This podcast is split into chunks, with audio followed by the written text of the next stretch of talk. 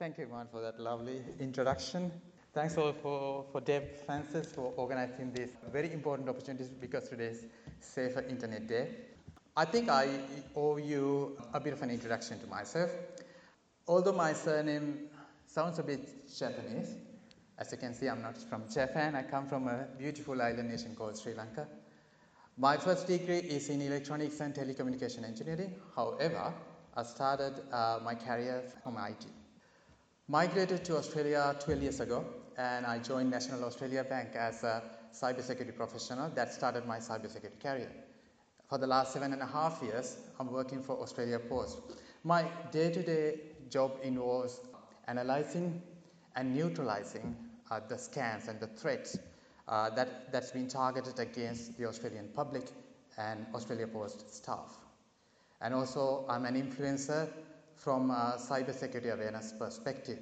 I love my job because every day I can make the scammers' day a bit harder while protecting the innocent victims. Outside work, I teach at a community language school for grade 9. I have some students over here. And then I have a radio show. Uh, it's uh, something uh, that you might be interested to hear. That's for the specifically Sri Lankan community. And on Sundays, I talk about the cyber safety uh, for Sri Lankan community. And also, I use the podcast and a blog and social media to kind of extend that knowledge to a wider audience. I have two kids. My daughter is in grade 6 and my son is in grade 11 this year. And also I work in the media team, so I look after some social media platforms, communicating uh, to the outside world using the power of social media. Now, the reason why I mention all that is having a preteen and a teen at home and having been teaching uh, for teenagers for some time, I understand you. All the Snapchats, the Insta feeds, all the selfie filters, I get that. I seriously get that.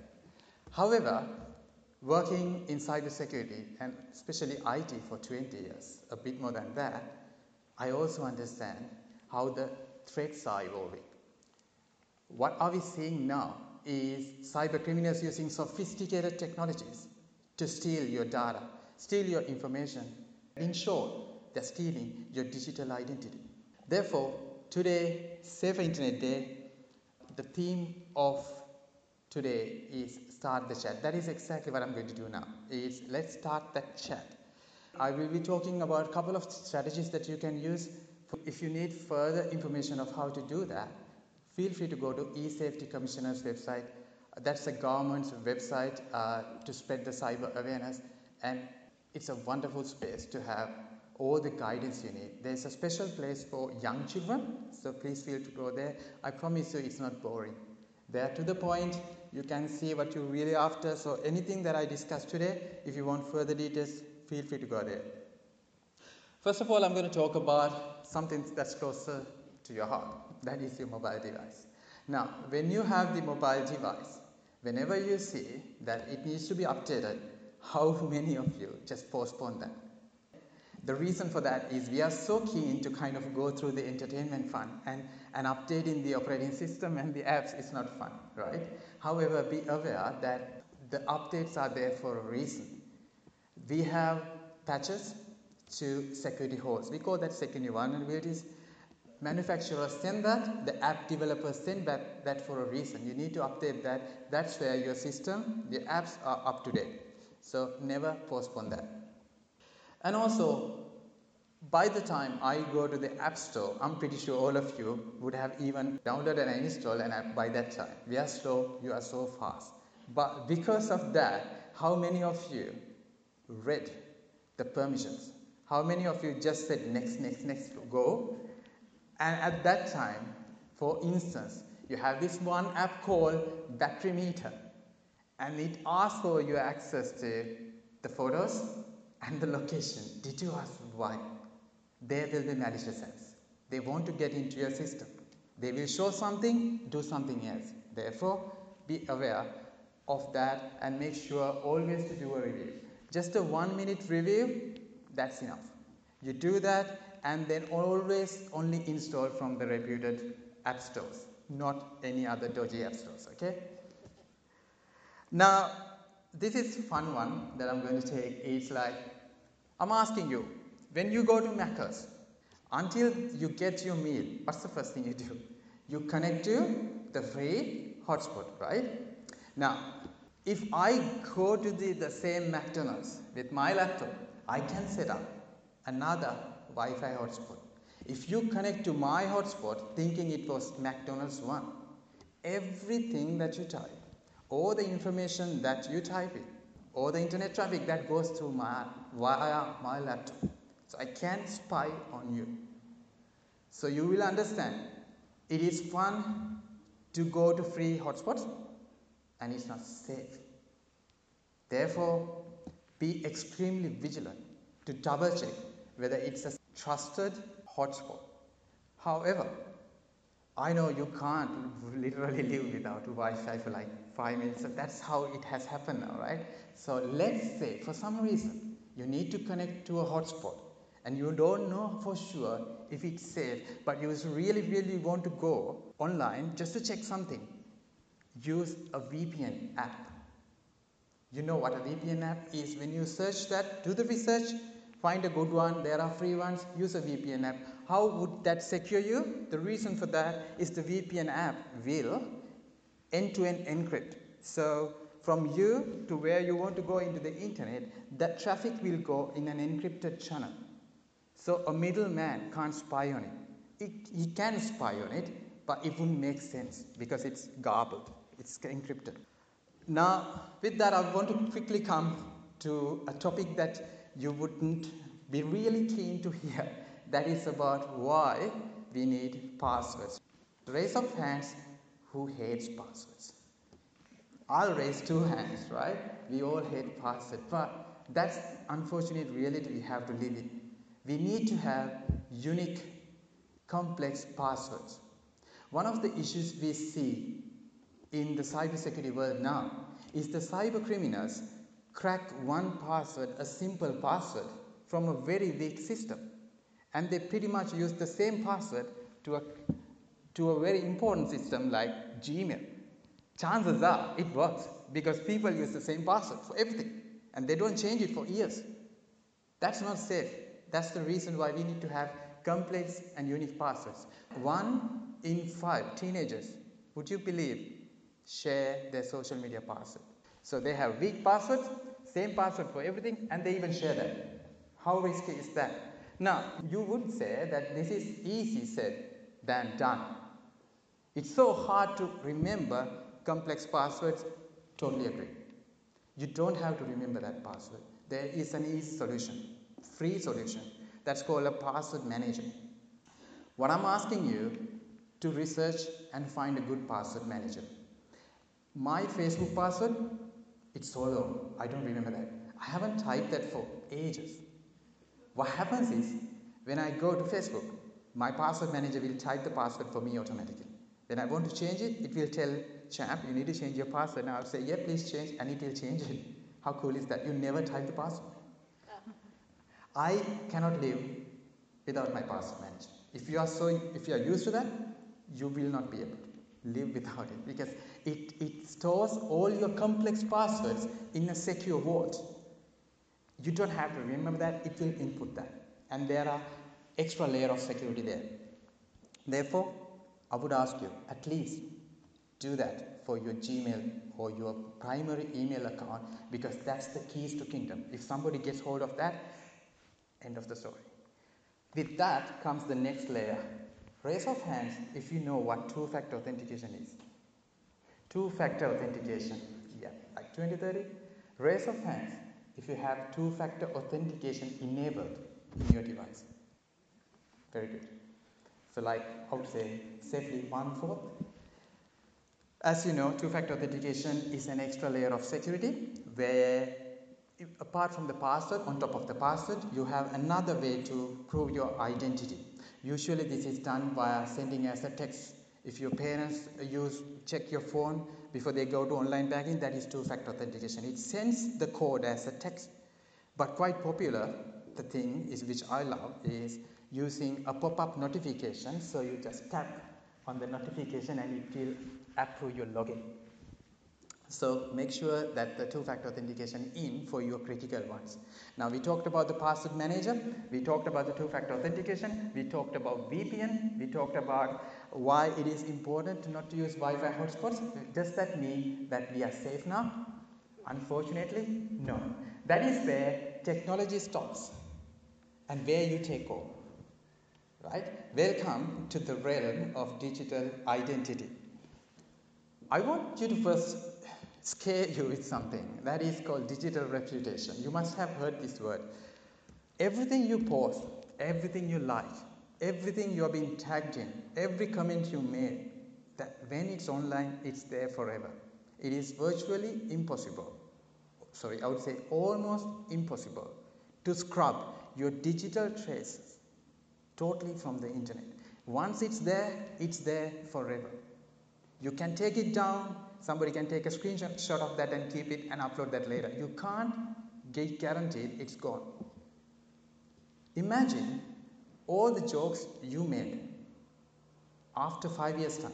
If it's in internet, your potential employer, your university professor, your landlord, or somebody that will be so close to you later on, they see this in internet about you by that time, the context that the joke was made is gone. That joke or any comments that you made or any photo you have, that will be a fact about you. Therefore, be extremely careful. What can you do? There is something called privacy settings. Make sure that you know to what audience you are communicating. If you are going to Bali for a holiday and you are in the airport, does the whole world need to know about it? Or just your friends need to know about it. Or maybe you don't have to tell it to anybody until you come, right? So you can wait. Sometimes you won't understand the urgency, the rush you're trying to make things available on online. With that rush now will come and harm you later on. Therefore, be extremely careful of what you post. And now I'm coming to a very important point which is so close to you again that is social media right? Like I told you before, I totally understand that I'm a social media person, so this is nothing against social media, right? But you might have heard something like, if it is not on social media, it did not happen. Pretty sure you heard that. It's a myth. If something is not on social media, I would say it's great. You don't need to make sure that if everything is on social media. Why is this concept? I'll tell you why. The whole method that the social media platforms are created, at the heart of it, at the DNA of it, is a business model to make sure you come back repeatedly. We call that a continuous rewarding cycle to make sure that you are addicted to the system. So this is done by a continuous feed of dopamine loops into your brain. That is why sometimes you grab your phone and just to check a notification and without you knowing, even after hours, you are still doing that. And at the end of it, are you happy? But it leaves you still with a sense of dissatisfaction. Why is that? Because that rewarding system wants to be infinitely looping. That's why. Therefore, understand this is a fabricated reality. It is an illusion. They create a fantasy world just for their business model. They want to spend, send you targeted ads so that you keep on coming. They want you to buy stuff. And they want to make sure that you are repeatedly attracted to that. That's why in social media, fake news goes six times faster than the real news. You can imagine how dangerous that is. Therefore, fight against it. Use Facebook, use social media, whatever you want, but be aware that they want you to go towards narcissism. Against that, go towards empathy. They want you to go towards fake news, against that, go towards facts. And then it is safer to use. And also, what can you do to make sure that your screen time is limited? Because they want you to be addicted to that. Easy. The technology comes help you there too. Well, you can stop notifications for some time. When you want to study, stop the notifications. That way you don't have to check the phone every time that you see a notification. Right? It's, it's disturbing. And also you can have apps, you can have technology there to kind of monitor your app usage or even control it. You can say a curfew time for yourself. Try to use that. And also save your eyes, save your mental health, save your uh, physical health. You can walk the dog, you can go to the park, you can just walk across the river. You, the social media would say that's the best thing ever is when you take a selfie, but the best thing ever is when you see the wind touching your face and you don't have a mobile at that point because that way you are totally absorbing the nature's gift. You don't, it doesn't necessarily have to be on a screen. Just go there, see something in your naked eyes, and that's you will see that's so much more important than that. So try to reinvent your old hobbies that you forgot. Painting, drawing, gardening, photography, do something like that. It will go a long way helping your mental health. Before I go to the next last part of it, I want to slightly touch on cyberbullying because that's a big one. The reason why I mention that is when cyberbullying, cyber harassment, online hate happens, you blame yourself. You think it's your problem. It's not. Okay? Think about it. It's their problem. So don't give in. And don't try to respond to it. Take evidences and keep that there. Block it. Technology is there. It's us who's doing the mistake here. Technology is there. Block it, report it. You can do all that. And then, most importantly, go to e-safety commissioner's website. It's so easy. If you don't remember that now, Google e-safety. That's the first search result. That's the e-safety commissioner's website. They have a ton of information. And under 18, if they see any offensive content, they can help you take that down. So be aware of that. If you know somebody who is kind of uh, having anxiety and depression because of some content that is not healthy, ask that person to talk to e-safety commissioner's website and they will help you. You will be pleasantly surprised to see the support that's out there. The other thing I want to talk about is the digital identity, uh, but I'll quickly cover that. That is, uh, in, in my day-to-day work, I have to come across hundreds of emails, uh, of scam emails. We call these phishing emails. A lot of your teachers would be aware of that. It's, they will talk about that um, the Telstra, your internet connection will be taken down now if you don't do this payment. So you click on that and it takes you to a website. It looks exactly like Telstra. Logo, font, theme, everything. Un unless you look at the top front where the URL is, it's something else. It asks for your personal information, your credit card details, you input that, you enter. What happens is the scammer or the cyber criminal has captured your personal information, your credit card details. It is happening, you might have heard about that. The point I want to make here is very simple. Let's say your credit card details were leaked out. Not good, but you can have a new credit card. You can have a new bank account number. If they steal your identity, can you have a new identity? Your date of birth, your address, your the school you went, uh, what about the your bank account details, all this personal information about you, your uh, likes, your first pet, all this information. Can you change that? You can't. Therefore, be extremely careful of what you share online. Finally, I want to cover something sensitive here, but this is so important. I want to mention that to specifically to an audience like this. This is with regard to sexting and image-based abuse. Make sure that if somebody forces you to share an image of you that you don't feel comfortable and appropriate, have the guts to upfront say no. This is a big issue that's going around with young people. Like I told you before, if something is online, it's there forever. It will come and haunt you later on. Therefore, just try to remember what I just said. Don't ever give in to that peer pressure or that to look cool thing. It's not cool at all. Therefore, be aware of that. What is image based abuse? That is forcing to share something a photo or video about uh, somebody being pictured without their consent. That's a big issue we have. If you know of a situation like that, somebody is trying to use an image to uh, kind of abuse using that, go to eSafety Commissioner's website. There are ways to report that and they will help you. You will be pleasantly surprised to see the amount of help you will get. Talk to your parents, talk to your teachers, or if you want a confidential professional counseling, talk to Kids Helpline. There are a lot of help there. With Safe Internet Day today, like I told you, the theme was uh, starting the chat. The only thing that I want you to take today, if you don't want to remember anything else, it's this. There is help out there. Start the chat. Talk to your parents, talk to your teachers, talk to e-safety commissioners. They are good people trying to protect you. You will see only the bad people trying to do cyber harassing, online hate, but don't give in to that. Finally, I want to remind you that what Daniel Andrews would say. He would say, stay safe, stay open. stay safe, stay open. I'm telling you, the cyber is here to stay. It will not go away. It's we knowing the risk and do better, securing ourselves. Therefore, remember what I just said now.